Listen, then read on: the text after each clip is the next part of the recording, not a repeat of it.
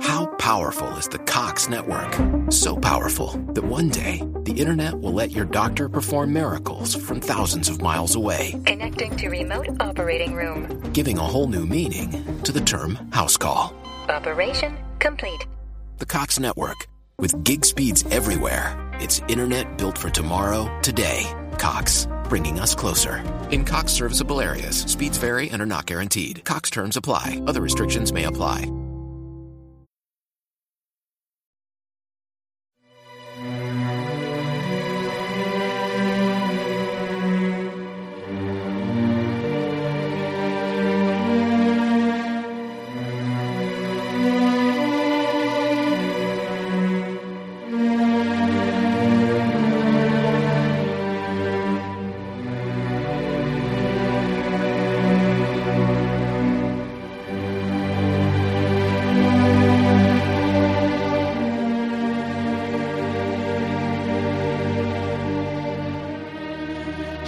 Kära lyssnare, grip vandringsstaven för en lång och fantastisk resa.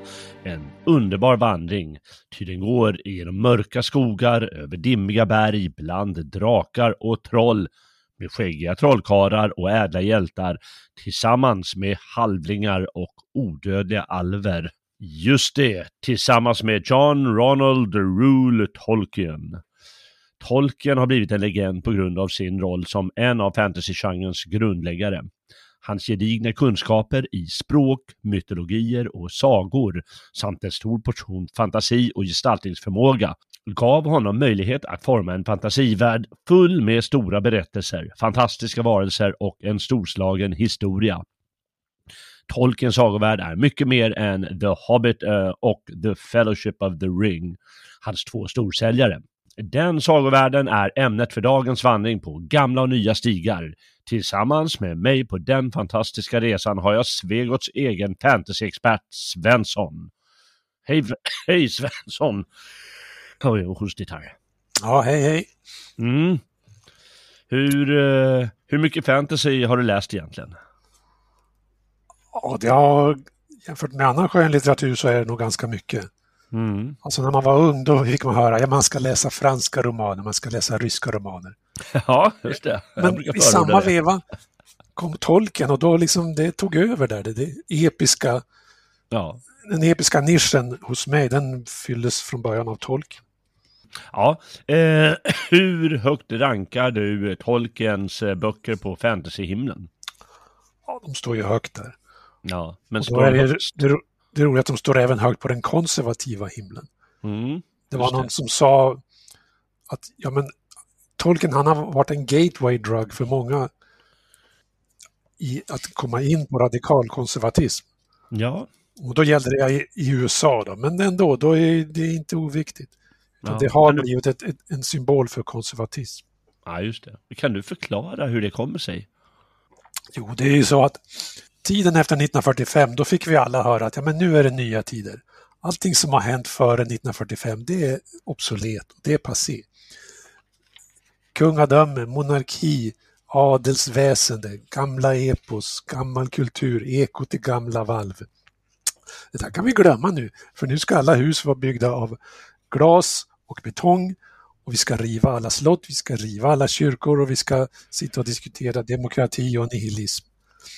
Men mot det där så skapades en, en upprorsrörelse av folk som Tolkien som sa att ja, men den gamla kulturen den lever fortfarande. Den, allting handlar inte om att bygga moderna betongstäder utan det handlar lika mycket om att ta tillvara den medeltida kulturen med allt vad det innebär. Mm. Och hans verk har blivit en symbol för det där även om man inte kan, även om man mm. inte direkt predikar det så är det liksom i, som helhet, hans hela verk, hans, hans, hans väsen. Mm. Hela Tolkiens, ja vad Tolkien har sagt och vad som han rapporteras har sagt i biografier och monografier och i redogörelse för hans, ver, hans verksamhet som professor i filologi. Mm. Så där framträdde ju något som heter konservatism med stort ja, K. Mm. Han är kanske inte lika vältalig som ska vi säga, Julius Evola eller eh, Fritjof Schuon i att, i att betona att ja, men det här är det gamla, det här är det vi ska hålla oss till. Men han är liksom strax under Evola, strax under Fritjof Schuon. Där kommer liksom folk som Tolkien och C.S. Lewis. De är helt enkelt konservativa profeter. Mm. Ja, nej, men det är väldigt tacksamt eh, att, eh, att, de, att de är det. Så att inte det här, eh, jag ska inte kalla liberala gänget, men det moderna gänget då helt enkelt beslagtar det också. Mm. Och använder det som en del av det ev eviga progressiva projektet. Eh, eller inte eviga, ska vi säga. Mm. Ja, vad bra. Ja, jag har aldrig tänkt på att, eh, det, att han spelar så stor roll eh, som en del av konservatismen, men jag har ju märkt att han är väldigt viktig för, eh, inte minst den här nya högen som har som blommat upp de senaste decennierna. Mm. Hur kommer det sig att han är så stor, eh, bortsett från den här konservativa delen? Varför är han så stor hos eh, så många av dem? Eller, eller för den delen den här eh, Signora Meloni som säger att Sagan om ringen är hennes favoritbok. Mm. Är det en ny generation eller? Ja, men det var ju det att han jobbade under så lång tid. Han började ju grundlägga sitt epos då, eller han var född 1892 och så mm. började han grundlägga sitt epos då, kring 1914. Och han fortsatte under mellankrigstiden. Och eh, Sagan om ringen skrevs under andra världskriget och då kunde han liksom fix och färdig presentera sitt verk 1954. Mm. Och då var det som en uppenbarelse för den dåtida tidsandan. Att tidsandan då, den heter liksom amerikanism, sovjetism, modern vetenskap, analys, kritik. Och då liksom kom det här som ett, ja, det var som ett ufo som seglade in där. Mm. Som, liksom sa, som hade delvis ålderdomligt språk och som berättade om alver och jättar och troll och som gjorde det ändå på ett relaterbart sätt. Han, han, han berättar ju ändå som en modern romanförfattare i stort sett. Alltså han hade ju skrivit Silmarillion först och Silmarillion är ju lite gammaldags och den är lite svårläst. Mm. Men han hade samtidigt kontakt med förläggare och han hade gett ut Bilbo 1937. Mm. Och den hade han ju spontant skrivit då som en läsbar berättelse. För att han hade tänkt att hans barn skulle... Den var skriven för hans barn, han hade läst den muntligt för sina barn. Mm. Så han hade den här publika relationen, han kunde ju prata som folk. Han kunde mm. skriva som folk. Han kunde få folk i dagens moderna samhälle att relatera till det här, den väldigt annorlunda värld som han berättade om. Så att mm. Det är där han är väldigt unik.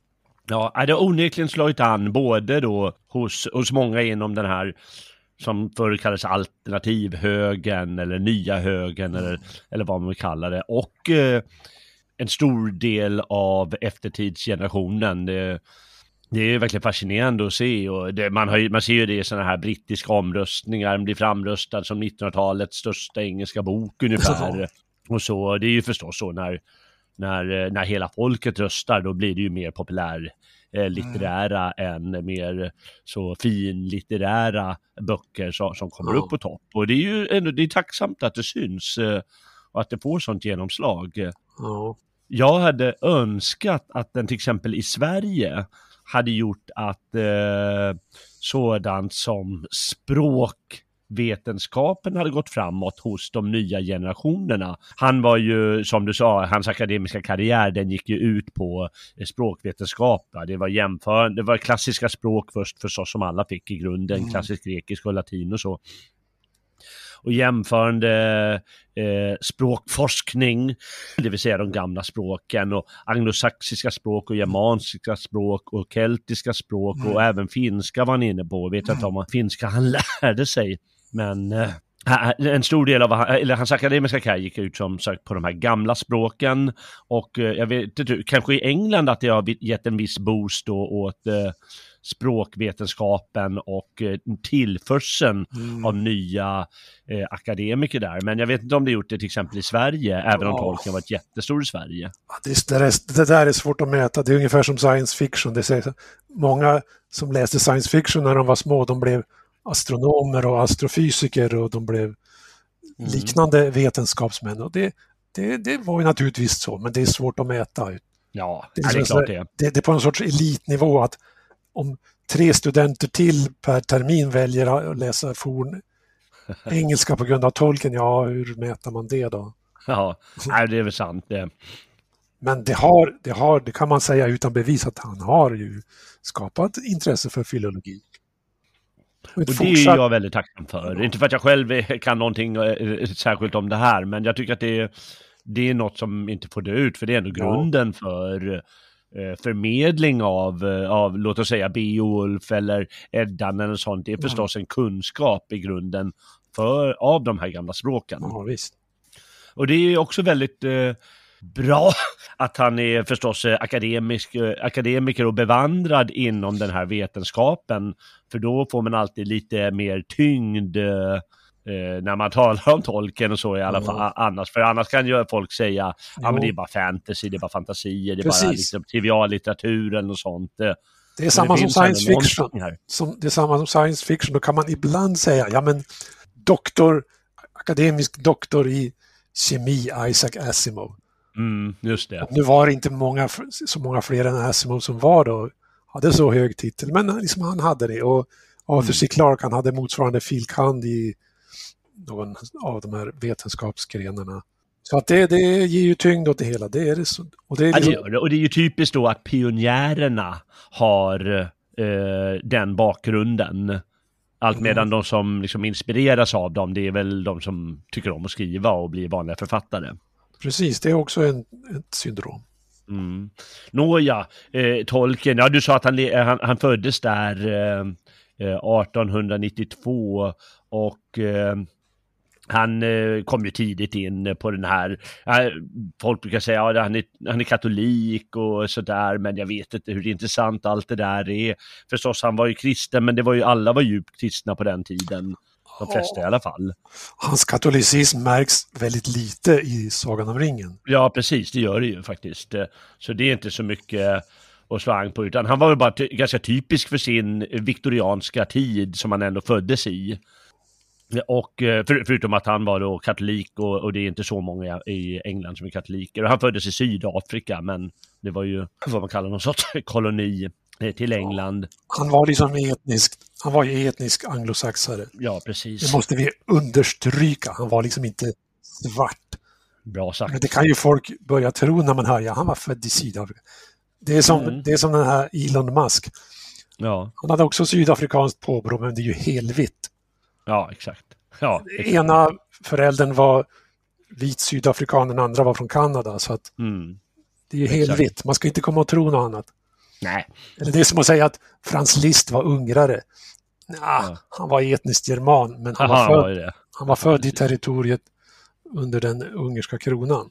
Så det där är sånt som folk idag inte har koll på. Nej, det är sant. Det är viktigt att hålla sådana här program och, och, allt annat som kan komma ut om det så att ja. de faktiskt uh, fattar det. För det är lätt att bli, bli blåst där. Uh, För, uh, och då kan man ju nämna att ja, Tolkiens namn, det är inte något sydafrikanskt utan det är ett gammalt tyskt soldatnamn. Mm. Tolkyn. Det mm. betyder ungefär glad gamäng. Ah, det, det har jag aldrig tänkt på. Bra Nej. sagt. Och det, men då har ju det liksom förts i en engelsk kontext vidare då, som ett ja. familjenamn.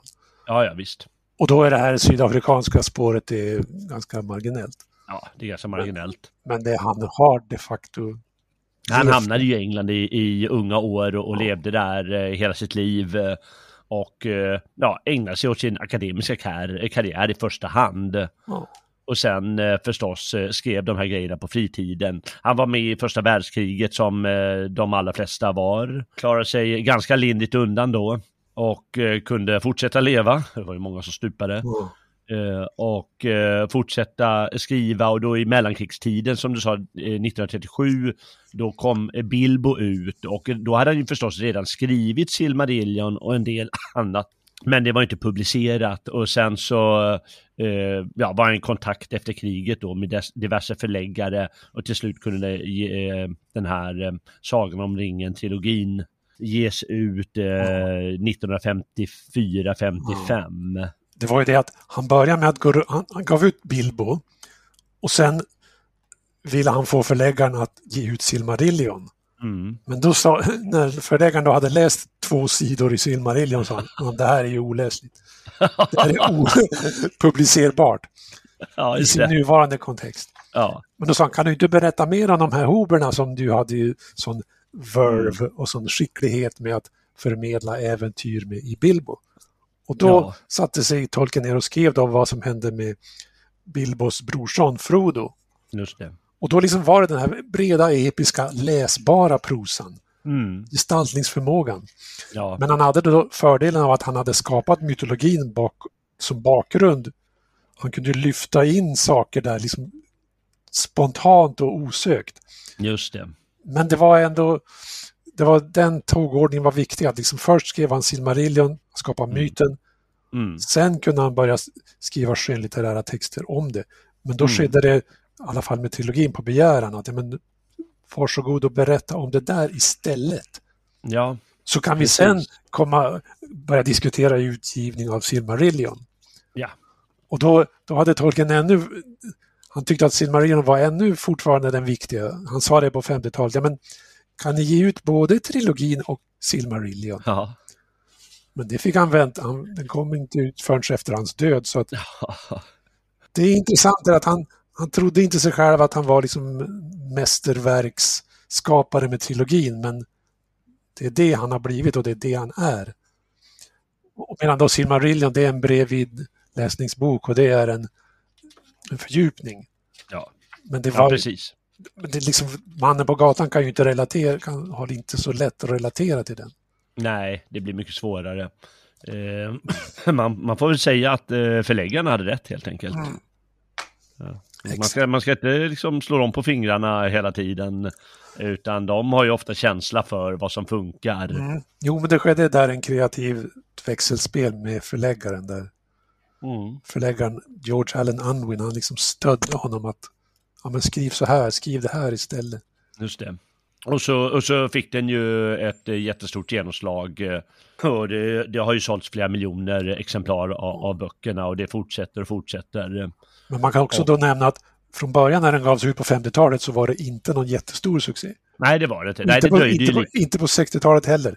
Men det var när Nej. de började ge ut pocketutgåvor. Det började med att det var en piratutgåva i USA, men sen måste de göra en riktig utgåva i USA. Mm. Och sen kom pocketutgåvan i Sverige på 70-talet. Just Då det. tog det fart. Då Både det i USA och England och här. Ja. Så att det, det tog sin gilla tid. Mm. Men det kom i alla fall. eh, Mm. Och eh, det får vi vara tacksamma för. Eh, 70-talet sa du, när, var, konfronterades du med, med tolken redan på 70-talet Mm. eller? eh, Hur gammal var du när du började läsa? Om man ska ta det allra första fragmentet så var det nog någon gång, ja, kan ha varit 75, 76. För då hade min mamma lånat de där böckerna. Mm. Och så kunde hon berätta, ja men det djupt under jorden i en grotta bodde Gollum. Och han paddlade sig fram med sin, på en stock med sina stora fötter som hjälp. Och det där liksom, min mamma läste det för mig och jag tyckte det var otroligt suggestivt. Ja, ja. Det var liksom helt, det var inte någon gammal folksaga om tomtar och troll utan det var liksom en saga men ändå med nya former och nya ord. Så då, men det tog kanske då fem år innan jag började läsa boken. Och då är vi framme i kanske 1980, 81, 82 då. Mm. Men då vart jag smått fanatisk. Jag tror jag läste den två gånger den här. Mm. Och så fick jag en bok som heter Tolkien Bestiarium Just det. i julklapp. Mm. Eh, jag ska nämna, den kom 1979. Det är den här boken med, med ganska bra illustrationer så tror jag. Precis, jag fick den i julklapp 1981. Mm. Då var jag som mest Tolkien-fanatisk. Men då har ju det... Så efter det har ju var intresset lite vilande, men när då äntligen eh, Peter Jacksons filmer kom, då var, fick jag en, en liten nytändning. Inte så pass att jag läste om böckerna, men Mm. det var liksom... Ja, det var skönt att se de där filmerna. De, de, de, de skapade till 80 procent ett gott, en god tolkning av det hela. Ja men nu de. Jo då, jo då. De, eh, de är storslagna. Eh, Det är de ju verkligen och det är ju stor, fantastiska vyer och det är, eh, själva iscensättningen av miljön och så är väldigt eh, frodig och härlig. Jag skulle säga, ja, det blev populärt då på 70-talet och eh, sen, så, sen så kom ju eh, de här storfilmerna var det från, från och med 2000, 2000, 2000 exakt eller när kom Ja, jag tror det var första gången 2000 och den sista 2003. Ja, precis ja. Un- Ungefär där. Och eh, ja, nu vet vi hur det är. Nu ska det exploateras det där och göras eh, storserier och så. Och hur eh, har du följt med de senaste äventyren som sänds på vi- via Amazon? Nej, Jag har inte följt det där alls och jag kommer inte att göra det. Alltså, jag har en läggning i min varelse och det är att jag är, in, jag är inte skadeglad. Jag kan Mm. inte sitta ner och se en sak som jag vet kommer att vara dålig. Nu vet Okej. jag genom att ha läst en recension att den här filmen är dålig. Mm. Den är liksom, det kanske är fina miljöer, det kanske är fina dräkter. Men liksom tendensen är så politiskt korrekt i varenda, varenda replik. Men då är det bara att gå bort, då är det bara att hålla sig undan. Ja, okej. Ja, Så jag det, pratade var, med... det, det är sum, summan av Rings of Power, som den här tv-serien heter. Den är bara att glömma. Ja. Högerradikaler ska inte se det där. Jag pratade med en, en vän och diskuterade det där i familjen. Han sa det att det, det är nog för PK för oss att, för att titta på i min familj. Men barnen skrek, men det är ju tolken, Ja, det är ju tolken. Ja, Man får, som familjefar kan man ju vara tolerant. Alla förstår ju inte liksom varenda subtilitet. Så om de liksom vill ha sin fantasi kvotfylld, då är det en annan Mm. sak. Ja, jag har inte heller sett det och jag har inte heller sett det och eh, jag ska inte kommentera det för jag, jag vet egentligen ingenting om det. Jag har bara läst och, och oftast det man läser är ju dels att fansen inte gillar det, men fansen är ju, de är ju fanatiska. Ja. De vill att varje, varje kommatecken ska synas eh, i filmen och inget annat och då blir det lite löjligt. Och, men sen ska det ju vara lite PK och så. Jag har faktiskt inte något stort problem att det råkar vara en och annan svart eh, skådespelare med heller. Jag menar, det fattar ju alla som tittar på teater att eh, Ja men vänta, en, en kung av England är väl inte svart, men han förstår att det är teater och att eh, då, då gör inte så mycket. Ja. Men, eh, men när de frossar i det, då blir det Ja. löjligt givetvis. Det var ju så att jag tror i Bilbo-filmerna då är det någon, en och annan afroamerikansk statist. Mm. Det får man väl tåla. Men liksom nu har ju det gått över alla breddar. Nu har det blivit löjligt. Det har Ja, liksom det blir blivit löjligt tönt- det blivit en töntig... Det liksom ski, skiner igenom på varenda... Ja. Och Men det är också det att för att skriva manus på Ring-trilogin då har man liksom allting upplagt i scener och ganska bra serverat. Mm. Du kan, liksom nästan skriva, du kan ju skriva av replikerna från boken. Liksom det är gestaltat och formulerat. Ja. Nu i den här Silmarillion-baserade saken så det finns ju inga scener. Det finns inte samma scener och samma gestaltning. Så att då är det fritt fram för liksom dagens manusförfattare. Och då blir det som det blir att ja, men när manusförfattare år 2022 kör sin grej, ja men då blir det automatiskt det här. Ja, just det. Så Nej, det är bra att du säger det. Det är, det är hemskt det där. Och det är bra också att du nämner att de är baserade på, på Silmarillion och, och berättelserna där i. Mm. Och annat material eh, eh, faktiskt. Eh, det är även från eh, lite andra små grejer han har skrivit runt om eh, den här trilogin om Sagan om ringen. Som den serien baserar sig på. Och, eh, för då, kan, då kommer vi osökt in på Silmarillion och, och de andra böckerna, för det är ju mycket mer än eh, Sagan om ringen och Bilbo, även om, om Sagan om ringen eh, står i en klass för sig, Ja. får man väl säga. Men eh, han, tolken själv ska tydligen ansett att, ja, men, ja, att det, det måste finnas en mytologi bakom för att liksom strukturera de här sagorna Ja. i Sagan om ringen. Och de får ju en plats där eh, och eh, vi, kan, vi- kan vi liksom ta den här mytologin och det skapar ju framför allt i den här Silmarillion med liksom en, eh, det är ganska påverkat av kristendomen eh, uppenbarligen med, med en gud som skapar änglar eller vad man ska kalla dem för och med en ängel som gör uppror och som faller så att säga och blir då ondskan i världen. och hur, eh, hur han skapar världen, den här eh, eh guden och eh, hur då eh, måne och, och, och, sol, precis som i både kristen och, och, andra mytologier, hur det hamnar på sin plats och, och sen så hur, hur världen befolkas eh, av dels de här alverna som skapas och hur on, den här onda ängeln eller guden Morgoth gör orcher av lite, lite sådana här alver. Men sen även hur de andra varelserna skapas, dvärgar och människor och, och halvlingar som jag gärna kallar eh, hobbitar för, fungerar bättre på svenska tycker jag. Ja, och sen så hur det skapas en hel historia då som han sätter igång där, framförallt i kampen mellan då de här onda makterna som lockar till sig också ett gäng underlägre änglar och de, eh, de, låt oss säga, goda makterna. Men så småningom blir det eh, de här varelserna som bebor jorden, alver och människor, som, som tar den här kampen mot eh, det ondas makter då. Och då har han ju inspirerats både av kristendomen, väldigt mycket av germansk myt, eh, av finsk myt, eh, det är kanske framförallt trollkarlarna eftersom Kalevala är ju full av trolldom. Mm. Och eh, hur mycket i den här mytologin kommer från germansk myt? Ja, det vet jag faktiskt inte. Nej. Men det är väl det att alver, alver det finns i germansk myt. Exakt. I Eddan har vi ju, det är sådana som Ivalde, Egil och Valand. Mm. De är ju alver.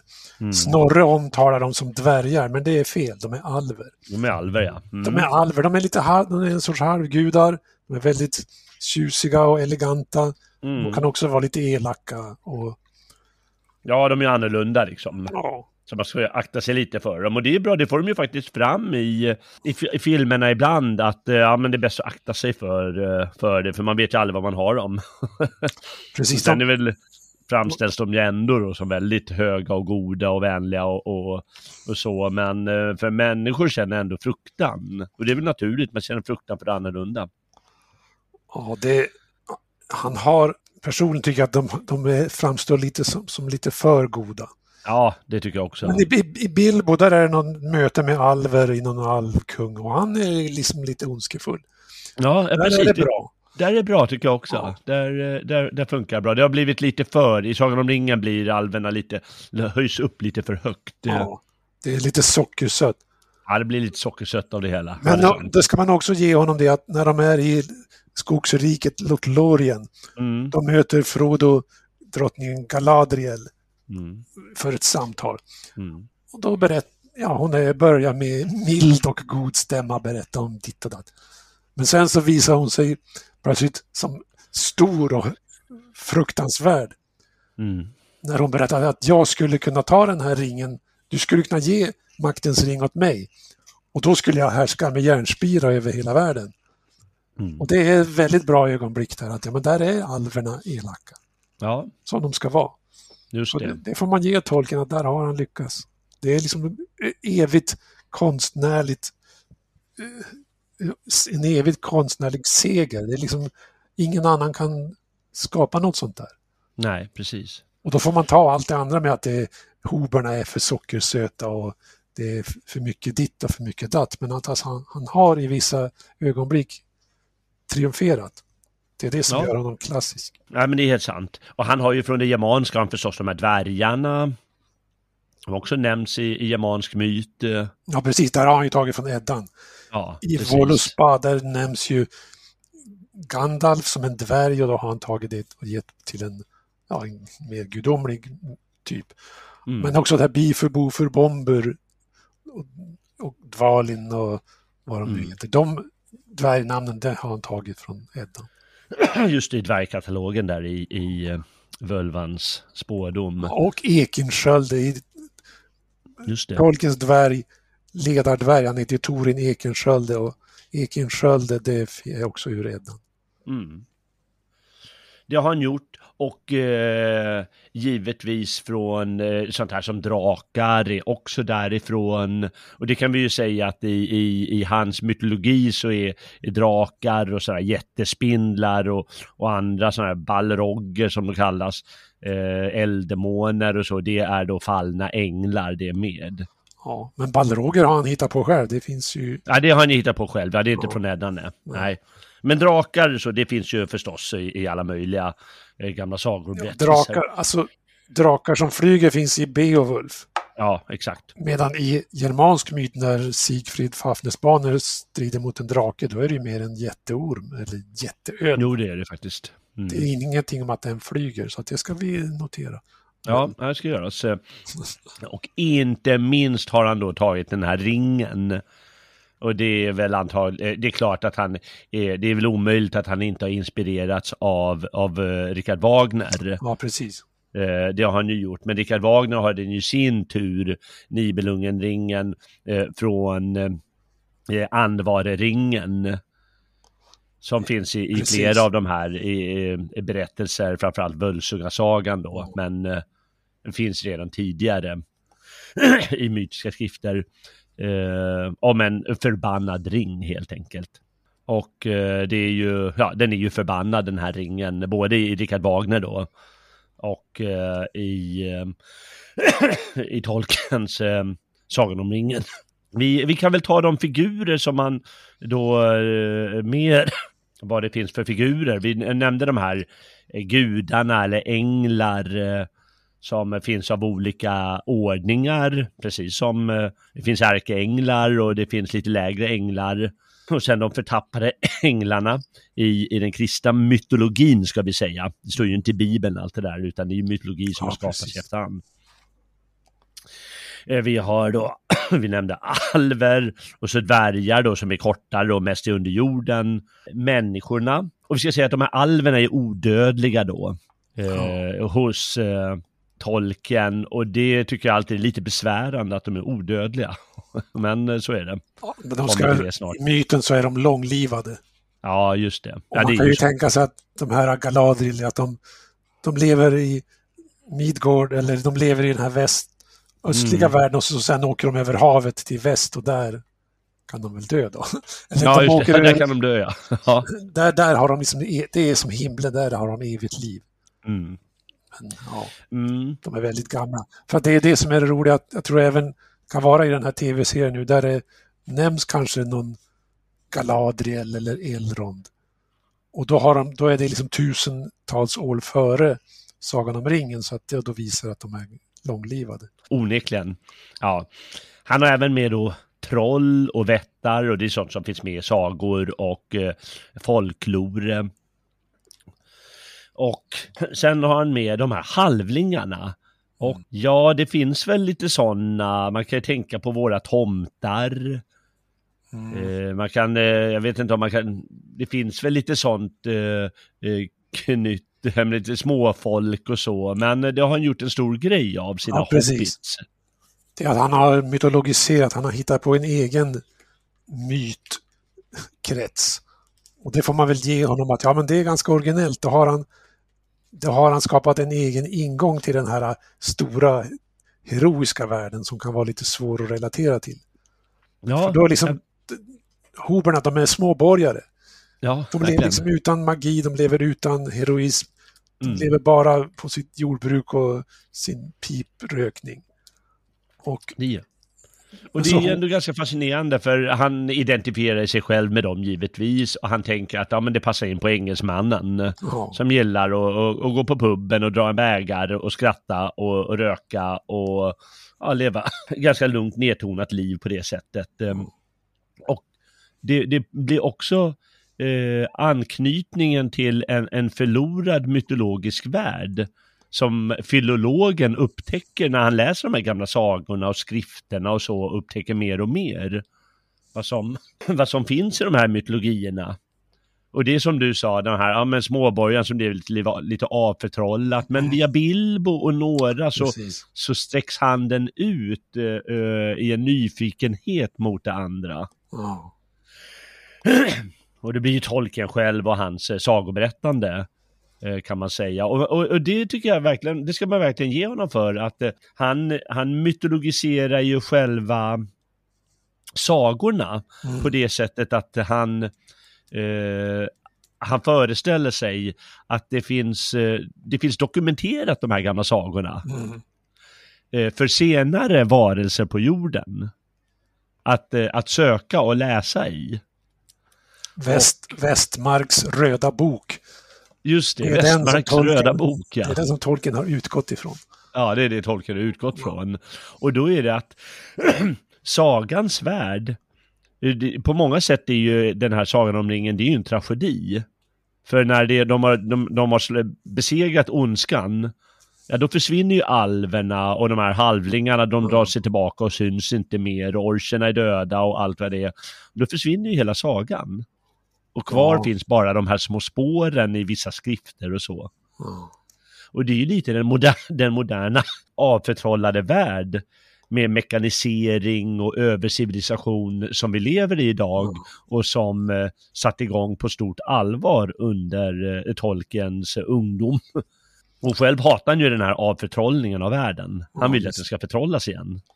Jo, men det är det, hans, hans, hans S i rockärmen, det är att han tar liksom hoberna som är småborgare. Mm. Då är en av de där hoberna, han är äventyrligt lagd och det är Bilbo. Mm. Och han går ut på äventyr till ensamma berget och för att hitta en drakskatt. Och Bilbo är inte, han tvingas att bli lite stursk.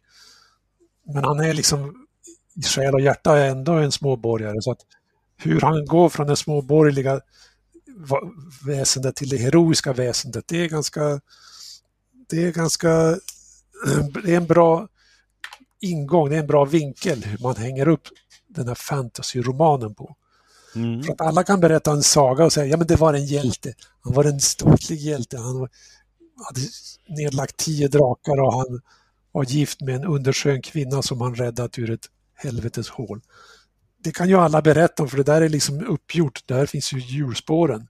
Men att skriva en fantasyroman, det, har, det var Tolkien i stort sett pionjär med.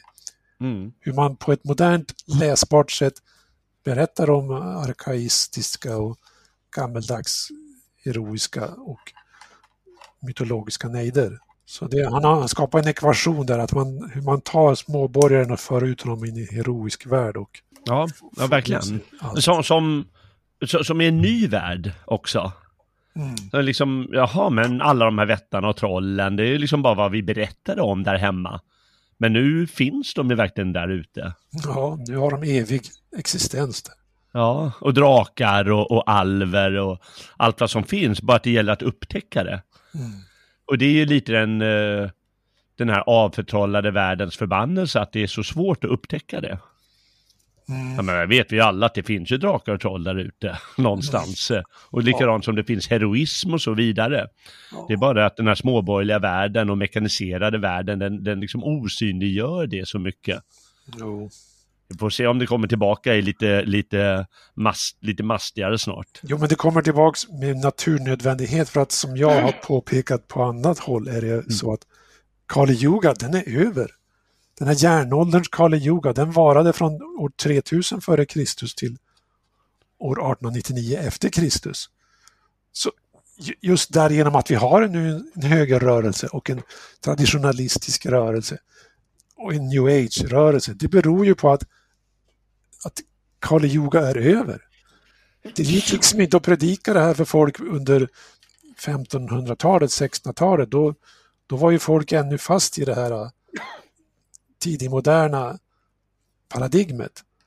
Men nu liksom kommer vi, då var det fortfarande framsteg och utveckling som gällde. Men nu har vi ju sedan slutet av 1800-talet har vi ju kommit tillbaks med det här ja, ekot i gamla valv och ga, läsa gamla epos och styras i sitt handlande av eviga värden. Såsom trohet, eh, äh, lyd, trohet, viljestyrka, strida för sin släkt, strida för sitt fädernesland. Det är plikt och så vidare. Sådana eviga värden har ju nu börjat komma tillbaka och det är ju för att Kali Yoga är över. Ja, Kommer in i en ny heroisk tid alltså. Det är fullt på gång. Härligt. Fullt möjligt. Fullt möjligt. Härligt att höra. Ja, men jag vet att du Ehm. låter skeptisk, men för det är ju så att även en sån som Julius Evola och Savitri Devi och Miguel Serrano och Prabhupada, de säger ja men Kali Yuga kommer vara i hundratusen år. Ja, ja. Ah, det där är en felberäkning. Just det, felberäkningar är bra sagt. Jag har utrett det där på min blogg att Kali Yuga slutade 1899. Och eh, liksom då, då finns även våra traditionalistiska stormän, de säger ja men Kali Yuga varar i hundratusen år. Det är därför det tar så lång tid för folk att inse det, att även deras ganska smarta guruer går och säger att Kali Yuga är av evig räckvidd. Så det är därför det är så svårt att få folk att inse det, men sanningen kommer att segra. Ja, sanningen kommer segra. Ja, men det är bra sagt. Ehm, Ja. Ehm, Nå, vi var inne på de här eh, varelserna och då kommer vi till det som jag tycker är lite mest besvärande och det gäller framför allt då eh, filmatiseringarna och det är de här orcherna. Mm.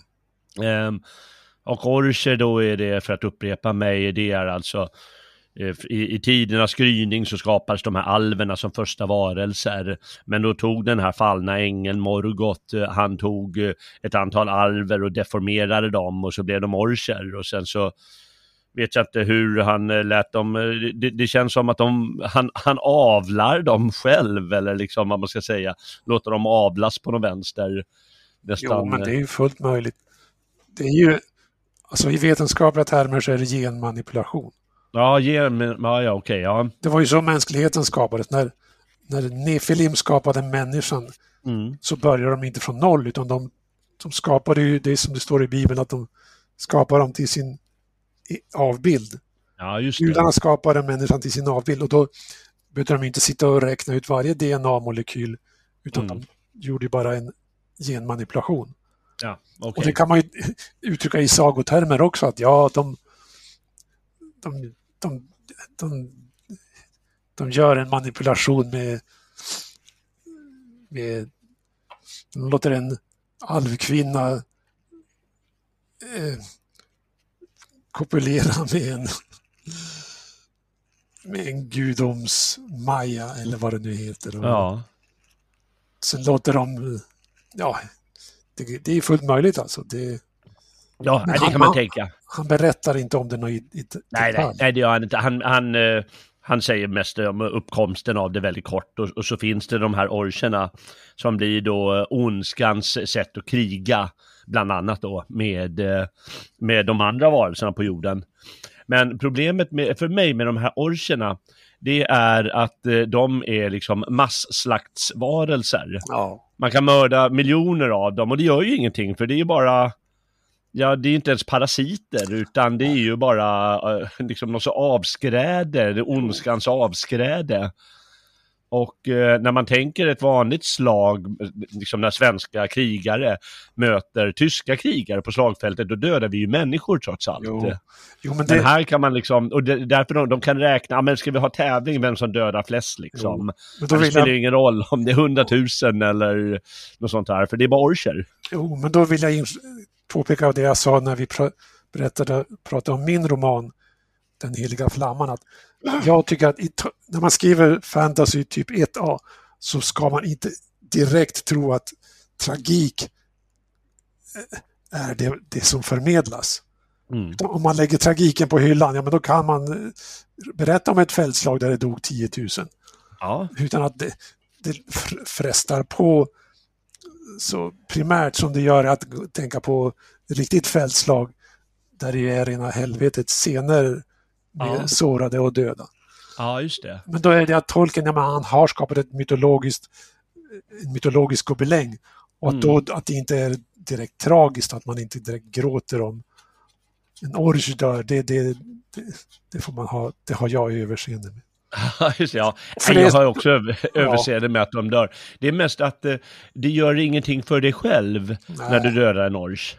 Nej men det är ungefär Allt som en medan när du strider mot en annan människa och dräper den, även om det är 10 000, så är det ändå någonting, ja men jag dräper ett människoliv här. Jo, men alltså Tolkien är en, en 1900-talsförfattare. Det är som att skriva en deckare. Mm. Om det dör någon i ett mord, det är aldrig tragiskt. Det är ju inte tragiskt om Agatha Christie tar livet av professorn i biblioteket. Nej, det är ju bara någonting att hänga upp Hercule Poirots skarpsinne Ja. på. Ja, att- jag förstår väl det. Men man, man kan gå vidare och, och säga att det, då- det, det är nästan som att de inte har någon mening, de här orcherna. Den enda mening de har, det är att de är motstånd mot eh, eh, det godas makter. Jo, men han har skildrat några individer. Någon som heter Grishma. Mm. finns ju där. Och då har han gett ett, ett, men, ett, ett, om inte mänskligt så i alla fall ansikte åt orchernas väsen. För det är synd om dem. Ja. De strävar med sina fula anleten och rovdjursbetar och sina läderkurasser och sina svarta kängor. Men bakom deras denna fula råa yta så klappar ett hjärta av guld. ja, ja, okej. Ja. jo, men han Ja, har- men har han väl gjort det på vissa tillfällen, ja. Ja, är det sant att de ändå är varelser, ja. Ja, men du har faktiskt en poäng. Där generellt är liksom den onda sidan, den, den är bara ond. Ja, den är ju det. Och det är ju en Man får metafysik. Ja, man, får, man, man, man får inte höra hur liksom någon häxmästare av Morgoth, hur han liksom lockades av Sauron. Att Sauron kanske hade liksom goda argument att men nu ska vi utrota hoberna för de är så fula. De är bara löjliga och sitter och dricker öl och tror att de är världens kungar där i sitt Mm. Nu ska vi faktiskt utrota hoberna och det, det borde man kunna utveckla. Att, ja, men det där, det var liksom en på sitt sätt vettig machiavellistisk projekt. Mm. Ja, Men det där det skummar tolken bara förbi. Han säger bara nej, de goda alverna och de mysiga hoberna, de klarade skivan och så blev Aragorn kung och Aragorn han är liksom bara en pappfigur. mm. Så det är lite synd. Ja, han skapar ju grunden, givetvis, framförallt då genom den här Silmarillion, en, en, en, kan man kalla metafysisk eh, mytologi där liksom just det goda, det, det fallna så att säga, som Lucifer i, i eh, den kristna mytologin, liksom faller och blir liksom en sorts motståndare mot eh, vad ska vi kalla världens ordning eller liksom någon sorts goda krafter, positiva, konstruktiva krafter där han vill förstöra istället och göra sig till herre. Men då, han har ju en poäng, tolken, där han skildrar Saruman.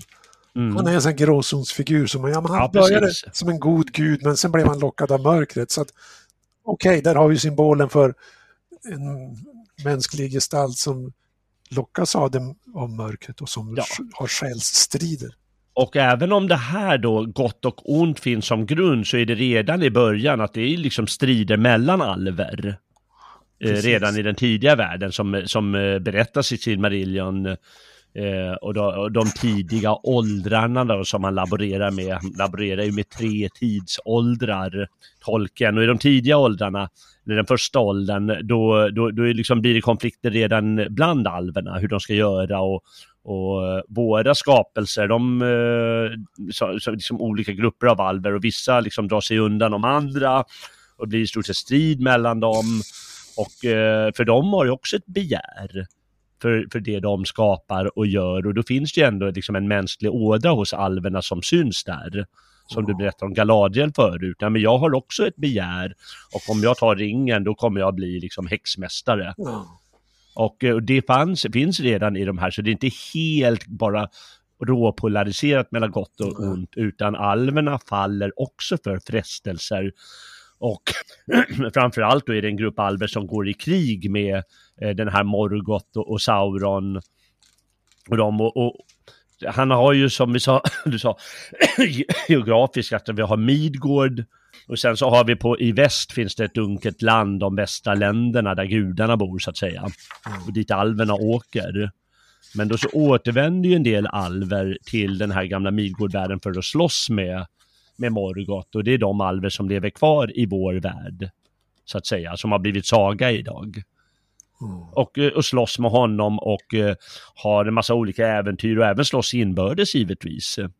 Så jag vill bara säga att det är, det är i alla fall lite nyanserat där och det, det är inte bara liksom det, det absolut goda mot det absolut onda utan det finns mellanting också i världen. Ja. Ja, eh, men den här metafysiken den gör ju att det blir en väldigt ödesbestämd historia. Att det liksom, det pekar i en särskild riktning mot den här upplösningen som sker i Sagan om ringen. Det finns en strid mellan gott och ont eh, och eh, eh, ja, hur, hur man ge, genom, ska jag säga, olika eh, stridigheter som uppstår dels mellan människor och alver och inbördes och så, men som hela tiden pekar i riktning mot den här ringen som, som Sauron eh, skapar för att dupera och kontrollera varelser. Och sen hur eh, hur den, eh, hur den försvinner och hur kriget mellan de onda och de goda makterna då ställs på, eh, på sin spets i slutet i den här eh, Sagan om ringen-trilogin. Och sen när den här ringen då, som är förbannad, eftersom den bara kan göra ont, när den försvinner ur världen, ja då försvinner ju ondskan. Mm. Och då blir världen avförtrollad på något sätt. Det är så jag läser det, liksom wow. lite mer metafysiskt. Jo, men det finns en metafysik i grunden och det går inte att berätta något mer efter ringens förstörelse. Det är liksom slut. Ja, då är det slut. Ja, då, då, då måste någon gud skapa nya grejer. Mm. Eller någonting. Men det är väldigt fascinerande. det är en väldigt fascinerande inramning han, han lyckas åstadkomma mytologiskt. Och de ger ju sådana flashbacks i de här Sagan om ringen-filmerna. Och i böckerna då är det också en hel del sånt. I Bilbo finns i stort sett inget sånt, för då var han ett riktigt, han visste inte hur han skulle, jag tror inte han tänkte hur han skulle lägga fram det, där vill han mer berätta en saga bara. Ja, men han nämner på någonstans att ja, men i söder där har, där håller en mörkrets häxmästare på att samla ihop orcher. Så det nämns, mm, det, det, nämns på ett ställe. Så det fanns mm. med, han hade jo, hela bakgrunden klar. Så det... Och det har de ju gjort i, i de här, den, den här Hobbit-trilogin som kom för några år sedan. Där har de ju, där har de ju eh, liksom lagt in en mycket mer av det. Eh, för att då kunna göra det till en naturlig Precis. uppföljare till Sagan om ringen-trilogin. Eh, det nämns ju inte i Bilbo så ja. mycket på det sättet, men, men man kan gott dra eh, sl ja, men det fanns, det fanns Ja, men bakgrunden fanns det. Den fanns den på ett ställe och av det har de kunnat mm. brodera ut det. Just det. Så de hade stöd för det de gjorde. Men eh, eh, Tolkien han var ju väldigt förtjust uppenbarligen i den här Silmarillion eftersom han var så eh, ivrig om att eh, förläggarna skulle publicera den också. Och eh, det, man, man, man, bortsett från hela den här mytologiska inramningen, hur han berättar hur världen skapas och hur det blir krig mellan alver och, och dels inbördes men också mot eh, den här Morgoth och hans underhuggare Sauron och en massa, en massa sån historia så finns det faktiskt flera vackra berättelser i dem. Och eh, jag, jag har ju, inte, jag har ju de här, inte de här ja. böckerna tillgängliga just nu, de ligger i, i Elgarås eh, allihopa. Men, men jag minns från när jag var ung att eh, och läste Silmarillion att eh, det kändes som just en saga som heter Sagan om Beren och Lutien var eh att han hade extra mycket hjärta för den. Det är nästan så att den står i centrum, åtminstone berättelsemässigt. Och det är väl just att det är kärlek då mellan en alvflicka och en människoson. Om jag har uppslag, jag har hittat det nu och så har jag det uppslaget. Ska, ska jag läsa lite ur det kanske? Ja, det kan du väl göra. Ja. Nu ska vi ge ett bevis på Silmarillions läsbarhet. Mm. Och då är det så att i Sagan om Beren och Lutien så var det så att Beren, han var ute och gick. Han vandrade genom Neldorets skogar, skogar och där mötte han Lutien Tinguls och Miljans dotter, en kväll vid månens uppgång då hon dansade på det aldrig vissnande gräset i gläntorna vid Isgalduin, gröna floden. Då, som i ett trollslag, glömde han alla plågor han genomlidit, ja, han blev som förtrollad. Till Lutien, hon var den vackraste av alla Iluvatars barn. Blå var hennes dräkt som den molnfria himlen, men hennes ögon var grå som en stjärnströdd kväll. Hennes mantel var sömmad med gyllene blommor, Men hennes hår var mörkt som skymningens skuggor. Som ljuset över trädens löv, som de klara vattnens röst, som stjärnorna ovan världens dimmor. Ja, sådan var hennes skönhet och älsklighet och hennes ansikte lyste. Ja, men där är det tolken. Han, han var en prosapoet, han kunde måla med ord.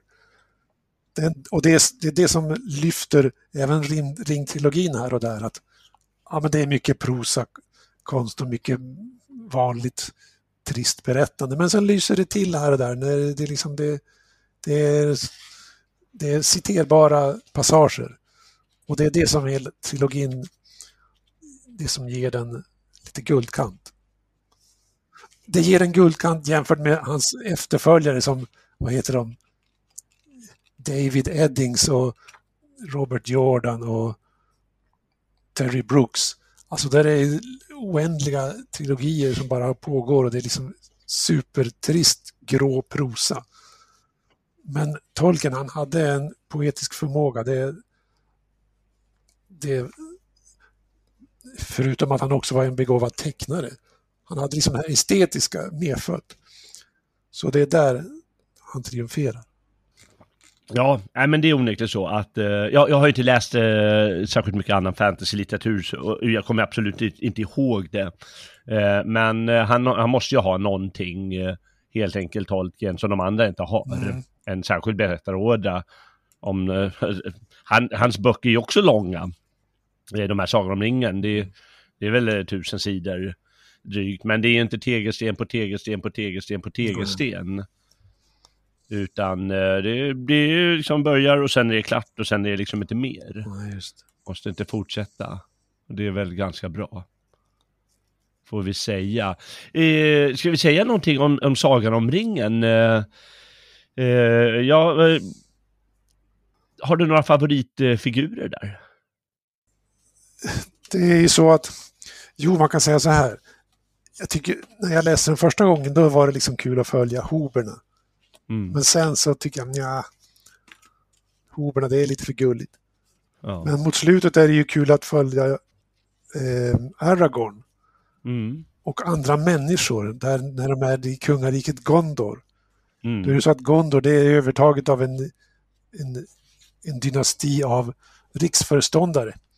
Eller rikshovmästare som ju Olmarks har kongenialt mm. översatt det med.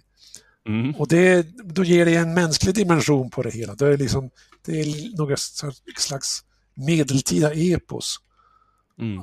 Och man kan följa dem i deras kungasalar och i deras dynastiska förvecklingar. Och även då när på vägen till Gondor när Aragorn rider genom Helms klyfta och det är Duneharv, dödmansgasterna i Duneharv där han måste väcka upp några döda kungar ur sin slummer. Det är också eh, sånt som går att läsa om även idag för mig. Som jag utvecklas mm. bort från en ungdomens tolken-fanatism. Ja, just det. Men eh, ja. Nej, jag håller med där. Jag tycker också det är intressant att, att följa de äh, människor när det blir lite mer mänskligt helt enkelt. Äh, det får man ändå säga. Eh, en sak när du säger det här med rikshovsmästarna där, eh, det är ju tolkens fascination för, eh, jag ska säga, renrasigheten. Uh, och det måste ju vara väldigt störande då för den här nya eller den här moderna världen som vill ha, rensa bort allt sånt. Men han är ju väldigt noga som du sa i det här kungariket Gondor.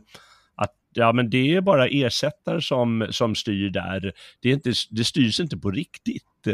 Utan det måste vara den av kött och blod som, som har just det där blodet från eh, den äldre, ädlare människosläktet. Ja. Då är det Gondor på riktigt. Ja. Och så är det ju väldigt mycket han laborerar med, med liksom något så här, ja, men det rena blodet.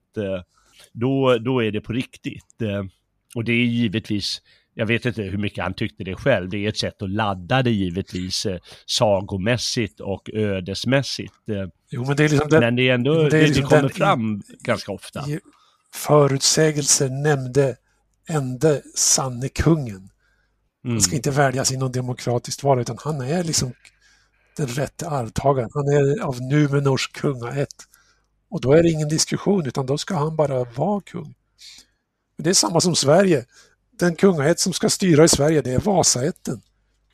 Bernadotterna är usurpatorer. Det, Ja, de, är rikshovsmästare. det är de på sätt och vis. De Ja. är liksom tillsatt genom fiffel. De avsatte den kung som var av eh, en utgrening av Vasaätten, Gustav den Mm. fjärde. Så att det där, det, där skildrar tolken realiteter. Han skildrar förhållanden som även finns för handen i våran värld. Så att, men det är typiskt Mm. för PKismen idag att de är usurpatorer. De har liksom tagit våra gamla kungadömen med medeltida grund och så har de gjort en modern parodi på det hela. Ja, ja, så kan man se på saken. Jag vet, det, kanske, det kanske blir naturligt ibland. Eh, eh, jag, jag vågar inte säga för mycket. där. Den engelska kungaätten, eh, den är ju hämtad från Hannover. Ja. Det kan man ju fråga om, om britterna kanske borde lägga bort det och börja hitta en gammal eh, Tudorkung eller någonting. ja, jo, men det, ja, där är det ju så att en, om en ett dör ut så är det ju spelrum för att ta en ny ett. Men liksom om vi Mm. jämför Sverige med Danmark, Danmark har ju faktiskt en medeltida grundad kungaätt. Oldenburg. Ja, det har de faktiskt. Oldenburg. Mm. Mm. Ja, det är det ju verkligen. Ja, men det är det. Det är att man har aner som sträcker sig långt tillbaka till förfäderna. Och det vet vi ju alla förfäderna, de var ju alltid mäktigare Ja. än en själv. Mm. Nej, men det, är- det, det är en, det är en skön tanke tycker jag som, som kommer till liv i de här eh, filmerna. Och du nämnde det, äh, böckerna, och du nämnde det här med Numenor. Och för de som inte känner till eh, då eh, den här sagovärlden eh, mer i detalj så, så är det då en, en ö där de ädlaste människorna, de fick eh, leva där. Eh, på den här ön. Det ligger, ligger mellan då Midgård och de här odödliga världarna där gudarna lever. Och eh, alverna åker till och, och bor när de är trötta på Midgård. Och eh, eh, Sauron, han, han lyckades eh, nästla sig in där eh, och, och dupera dem varmed de då skulle göra uppror mot gudarna och då så sänktes hela världen. Men några av dem levde vidare. Och, eh, och, och i då Midgård, några eh, ättlingar från den här Numenor. Mm. Och de lever vidare i Midgård då efter, i årtusenden, renblodiga. Och Aragorn då är den, den sista eh, i Sagan om ringen-världen då, är han då den, den sista personen som har som är ättling till det här Mm. gamla starka släktet. Ja, Det är väldigt vackert får man ändå säga. Ut, de lever som utbygdsjägare i norra delen av Midgård. Och då kommer de i beröring med hoberna och, och Frodo. Där Mm. på, vad är det, värdshuset i Bri. Och det är liksom väldigt bra gjort. Och då har jag hört att när Tolkien skrev den där scenen om värdshuset i Bri så såg de en mystisk man som i, i den här scenen, då är det en mystisk man som sitter i ett hörn av krogen. Mm. Han heter Vidstige. Och då tänkte Tolkien, ja men det där, det, det där är en hob, tänkte han. En mystisk hob. Men sen kom han på, nej, han ska ju vara människa. Och han måste ju vara en Numenoran eftersom han Mm. måste vara ditten och datten som han hade utvecklat det själv i Silmarillion. Och det där var ju Mm. oerhört fascinerande hur man liksom kreativt kan hitta en ny väg. Hur, liksom hela, hur sagan uppenbarar sig för skaparen på ett ut, ur sin egen kraft på något sätt. Ja, liksom, precis. sagan berättar sig själv och Mm. tolken blir bara ett redskap. Det Ja, men det gör det verkligen. Eh, jag, som jag har förstått så började han skriva den, men visste inte riktigt, eh, ja, hur ska det gå det här? Mm. vad, vad är det som ska hända och så vidare. Och det var just i, i sådana ögonblick när han då gör den här vidstigen som säger till en människa, ja, en gammal numeran, då börjar, då tar berättelsen den här vändningen och får den här kraften. ja. Så att den blir ödesbestämd och griper Men det där det är något som folk själv, som inte alltid har klart för sig. De tror att en människa, han, en författare, han skriver ett scenario och så skriver han romanen och så är det färdigt. Mm. Men istället är det så att han som författare har man en dunkel aning om att nu vill man berätta ungefär det här. Och sen skriver man ett par sidor som man utarbetar i detalj. Sidor som man inte behöver ändra sen. Men man, liksom ser, men man ser inte hela eposet i detalj. Man, man ser det, man anar det, men dunkelt. Och det är som att gå genom en djungel. Man går och hugger sig en väg med en machete. Och ju längre man går så efterhand så klarnar det och så kommer man upp på ett berg. Så ser man allting runt om sig som ett förklarat skimmer. Så var det när Tolkien skrev sin trilogi, att han hade inte alls detaljerna klara för sig, men han hade men det blev klarare ju i takt med att han skrev. Ja, precis. Och som, som med mycket litteratur, så när man tittar på det i efterhand så känns det som om allt var klart från början. Men, men som du säger, det är inte alls så processen går till. Ja, vi har ju fått mer om mesta väsen. Vi kanske ska ta någonting om det, det mest eh, eh, liksom urväsendet i, i mytologier och sagor och så, drakar. Mm. Att eh, inte, till, till och med drakarna går till en ände i, i Bilbo där Smaug är den sista draken. Och drakarna är då tillsammans, eh, det, det är sådana här fallna änglar en gång i tiden. Så har jag förstått i alla fall att eh, de liksom gjorde om sig när de kom till jorden så småningom blev polare med den här Morgoth så, så tar de, men tar Drakhamn. Det får bli mitt väsen. Och vissa blev Spindelhamn och andra blev som någon annan form av demoner. Och vissa blev då drakar. ja, men han har inte så mycket, han har en del i Silmarillion, då, då kämpar de mot drakar också. Ja, För då är allting lite mer upplåst, eh, som i eh, sådana här gamla skapelseberättelser. Eh, eller gamla myter, grekiska myter, när Herakles slåss mot hydran mm. eller något sånt där. Liksom allting är mer mytologiskt uppförstorat i, i de här Silmarillion. Då slåss de mer handfast med urväsenden. I, eh, i, I Bilbo och i Sagan om ringen är det lite mer den mänskliga världen så att säga. Inte så mycket sådana varelser. Men den fascinerande draken tycker jag. Eh, Smaug. Eh, att eh, den tycker jag att de har filmat väldigt vackert också i den här Hobbit-trilogin. Jo, han hade en god hand med det där drakmonstret och även filmiskt så gjorde de en ganska bra jobb med ballrogen i Morias gruvtunnel underjordiska värld. För att det var ju så att det gjordes även en film 1978 på det här Sagan om ringen, en animerad film. Men där såg ju när Gandalf strider mot Balrogen, det såg lite nästan löjligt ut. Men det var en storslagen scen när Balrogen kommer och går på en bro och så stampar mm. Gandalf staven i marken och så brister bron. Och så faller Balrogen brinnande ner i en avgrund. Ja, ja, men den är ju faktiskt väldigt vacker. Liksom stark och, och vacker scen. Ja. Nej, det, det, får man verkligen ge honom, Peter Jackson, att han eh, liksom för ögat har skapat en fest eh, med de här filmerna. Det, det, det, det, det, det är verkligen storslaget och det fångar ju liksom det storslagna i böckerna. Det, finns eh, många storslagna saker att säga om det. Vi får, vi får hoppas att eh, PK-ligan inte förstör för mycket. Nu verkar det ju som den här eh, serien helt enkelt finner sin grav. För det verkar inte vara tillräckligt många tittare. Det kostar ju väldigt mycket att producera en, en sån här. Så vi får väl se om de, om de kanske ger upp eh, PK-gänget. Eh. Ja, alltså det är ju, kulturellt så har ju vi har nått peak PK. Det har liksom nått, det har kulturellt nått sin, sin kulmen.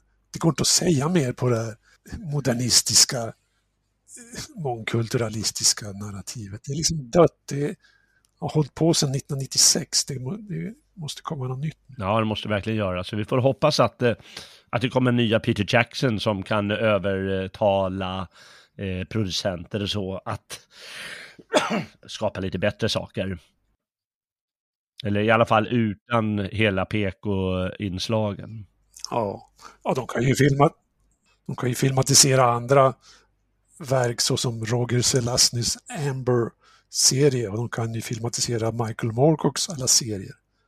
Elric of Melnibone och Hawkmoon och Corum with a silver hand. Så att det finns ju otroligt mycket saker som görs för filmatisering. Det är, liksom, det är så visuellt berättat så att det är lätt att skriva manus på.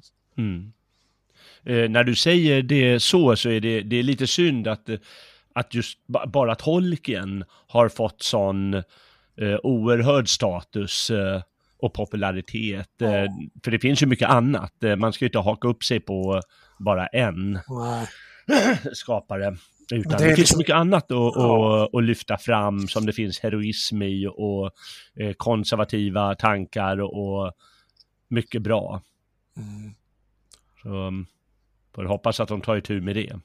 Men det är lite svårt också. Det är som att tänka på Marvel-filmerna. De har ju också nått sin kulmen nu. Ja, verkligen. Så det kan vara så att publiken har fått lite nog av fantasterier. Jag vet inte. Det, det, går i, det går i cykler. Det kan komma en ny realistisk filmvåg istället. Det kan komma Mm. vad som helst. Så att Ja. det är inte lätt att säga. Nej, nåväl. vi får väl vi får väl avsluta vår, vår lilla vandring i Tolkiens sagovärld. Det, det finns ju, kan man göra många program om. Men eh, vi ju, vi har i alla fall berört det övergripande med, med några tydliga tendenser i hans mytologi och, och eh, sagovärld helt enkelt. ja, liksom filmatiseringar och sidor så finns ju alltid böckerna kvar. Exakt. Och det är ju ett bra tips. eh, De flesta har kanske läst Sagan om ringen, men att gå tillbaka och läsa de här berättelserna i Silmarillion och så, så att man får bakgrunden på ett, eh, ett trevligt sätt. Det är ju inte så himla tjock läsning, det är bara liksom 300 sidor. Ja. Jo, men det kan man göra för att jag själv, jag var med när Silmarillion gavs ut på svenska då, 1982 när, när Mm. det var.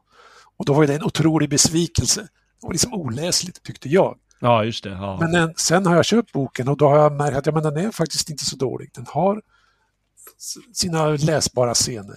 Ja. Man får ju ta det för vad det är. Det är ju liksom en saga och en formandet av en mytologi eh, Jo, som han precis. har knippat ihop för att han tycker att det är skoj. Ja, och så är den liksom medvetet berättat i en gammaldags stil och det, Ja, det är det också ja. det är liksom inga direkt scener eller dialogskiften. Nej. Men då om man utgår från att ja, men det är gammaldags, Mm. då kan man ändå njuta av det. För att Ja, precis.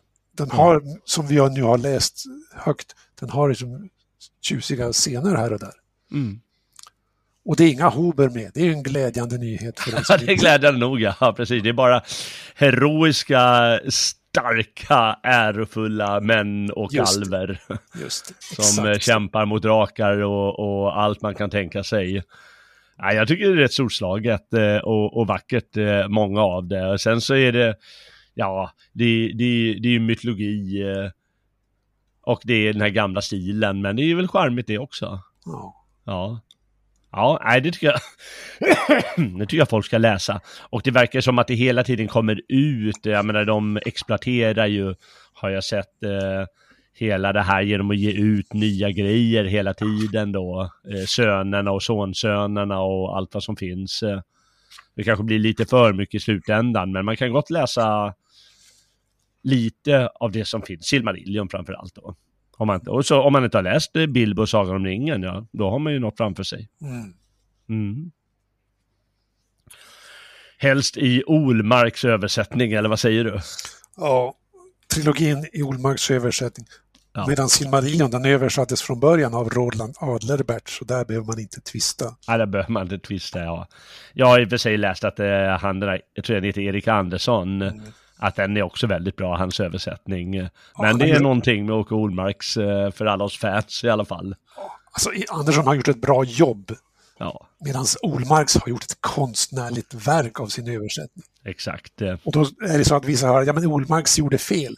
Mm. De fel Olmarks begick är väldigt få. Mm. Så att den, den litteraturläsande vurmaren för god stil, han kan njuta av Olmarks översättning. Det kan jag verkligen. Så är det bara. Ja, han är rolig. Han, eh, han är påhittig verkligen. Ja, han är, en helt, han är ett ämne för sig. Olmarxismen, det är en ideologi som ännu väntar på sin Ja. Ja, då har vi en ny vandring att göra någon dag. Mm. Men nu får det väl räcka för idag med gamla sagor och sånt. Ja. Ja, jag får tacka dig Svensson för eh, din, eh, din insats och medverkan idag. Jag får tacka dig också, det var ett trevligt program. Ja. Och tack eh, också du som har vandrat med här bland alver och trollkarlar, halvlingar, ödesdigra ringar och stora hjältar. Om du gillar vad vi gör på gamla och nya stigar samt våra andra program, då får du gärna bidra till vår verksamhet. Det är alla de som stödprenumererar och donerar som gör vår verksamhet möjlig. Gå in på svegot.se och klicka på donera eller stödprenumeration. Då kan du också kolla in alla Svegots andra program.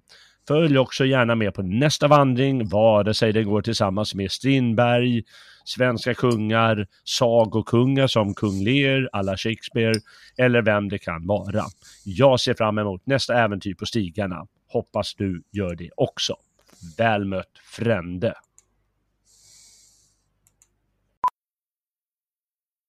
How powerful is the Cox network? So powerful that one day the internet will let your doctor perform miracles from thousands of miles away, Connecting to remote operating room. giving a whole new meaning to the term house call. Operation complete. The Cox network, with gig speeds everywhere, it's internet built for tomorrow, today. Cox, bringing us closer. In Cox serviceable areas, speeds vary and are not guaranteed. Cox terms apply, other restrictions may apply. Spring into savings at your neighborhood BJ's. From April 25th to May 22nd, save $4 on select skincare products only at BJ's, like Neutrogena makeup remover wipes, Beach Defense sunscreen, and retinol regenerating cream. Lubriderm 24 hour non greasy moisturizer, and Aveeno Daily Moisturizing Lotion. Save April 25th to May 22nd with select skincare products at BJ's. Visit BJS.com for more information.